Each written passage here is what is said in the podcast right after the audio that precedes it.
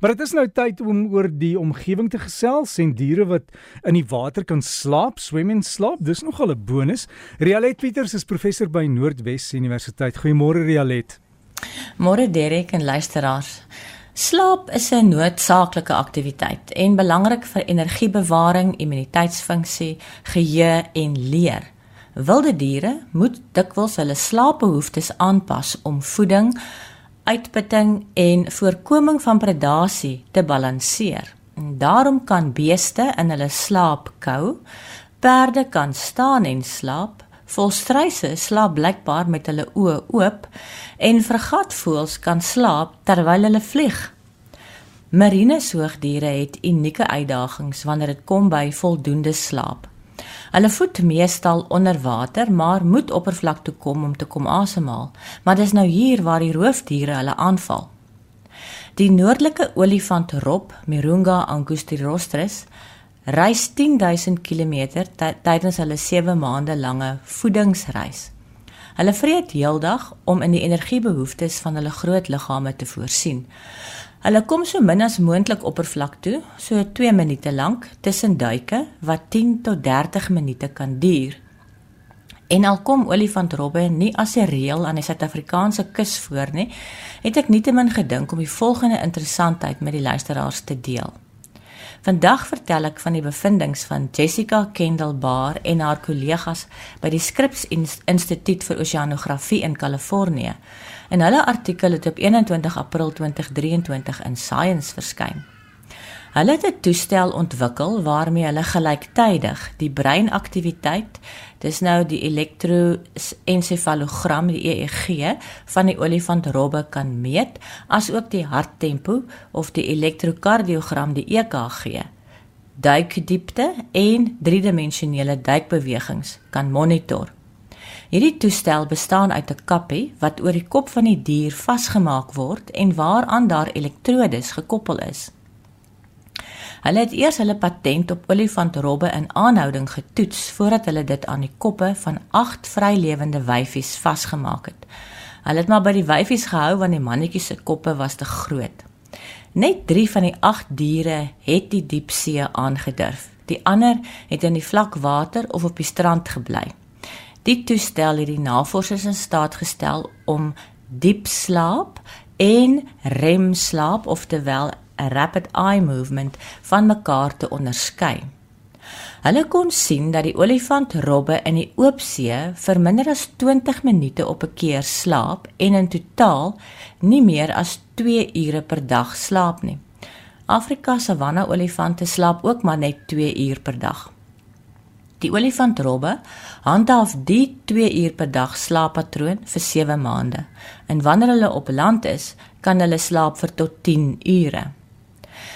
Tydens 'n tipiese slaapduik gaan die robbe van 'n wakker toestand oor na diep slaap en hulle bly vir so 'n paar minute nog regop, maar wanneer hulle in remslaap ingaan, verloor hulle die greep op die regop liggaamspostuur en begin hulle afwaarts daal in 'n spiraalpatroon. Die diere wat deel van die studie was, het tot 377 meter diep gedaal voordat hulle wakker geword het en terugbeweeg het na die oppervlak toe. Naby die kus het hierdie olifantrobbe bewegingloos op die oseaanvloer by dieptes wat wissel van 64 tot 250 meter geslaap.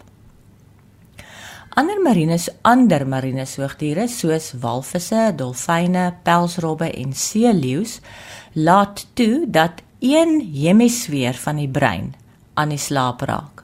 Hulle hou dus een oog oop en kan so roofdiere betyds sien aankom.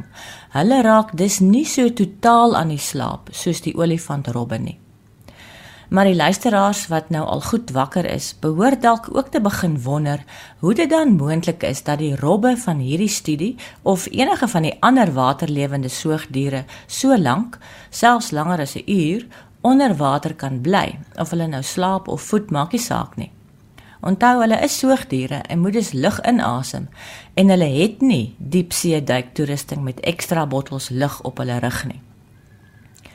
Daar's 'n paar aanpassings in die fisiologie van marine soogdiere in die algemeen. Die eerste ding wat gebeur is dat die asem uitgeblaas word of ten minste nie ingeteeg word nie wanneer hulle duik en die longe dus nie die dryfvermoë van die diere onnodig belemmer nie.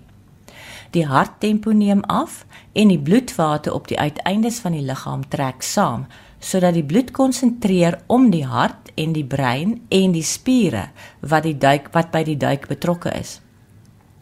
Suurstof is nodig vir alle liggaamsaktiwiteite en dit word in die bloed vervoer en daarom verlaag die harttempo sodat minder energie gevolglik minder suurstof daaraan spandeer moet word en net die belangrikste organe word van bloed voorsien. Die ander organe kan weer later met hulle aktiwiteite voortgaan as daar weer genoeg suurstof beskikbaar is. Moet ook nie vergeet nie van die vaartbelynde liggaamsvorm wat beweging in water maklik maak en daarom ook energiebesparend is. Maar daar's 'n ander baie spesiale aanpassing. En dis die groot hoeveelheid myoglobien wat waterlewende soogdiere in hulle spiere bevat. Myoglobien is die proteïen wat veral in spierweefsel voorkom en waarin suurstof geberg kan word en dit help met die divisie van suurstof deur die spierselle. Myoglobien het 'n hoër affiniteit vir suurstof as hemoglobien en is nie so vatbaar vir veranderings in pH as hemoglobien nie. Hemoglobien is mos nou weer die suurstof en koolsuurgasdraende proteïen in die bloed van alle soogdiere. Die probleem met hoë konsentrasies proteïenmolekules van dieselfde soort is dat hulle aan mekaar kan begin vasklou en klonte veroorsaak wat as dit met myoglobien moet gebeur, hulle vermoë om suurstof te dra sou verlaag. Maar in 'n artikel wat ook in Science verskyn het, maar al in 2013, het Michael Berenbrink van die Instituut van Geïntegreerde Biologie aan die Universiteit van Liverpool in die Verenigde Koninkryk en sy medewerkers verduidelik dat hierdie myoglobien-molekules positiewe lading dra, wat beteken dat die molekules mekaar die heeltyd afstoot.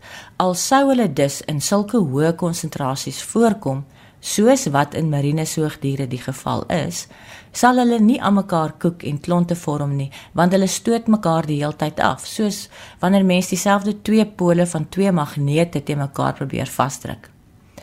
En hierdie is maar net 'n paar van die spesiale aanpassings wat ons by waterlewende soogdiere aantref. Ek het foto's van die noordelike olifantrobbe op omgewingspraatjies se Facebookblad geplaas.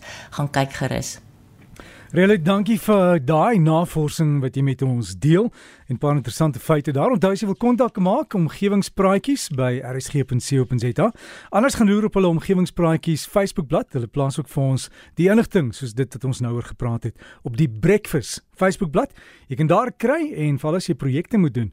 Nogal handige hier op jou vinger vingers uh, navorsing wat ons hier vir jou op die radio gee.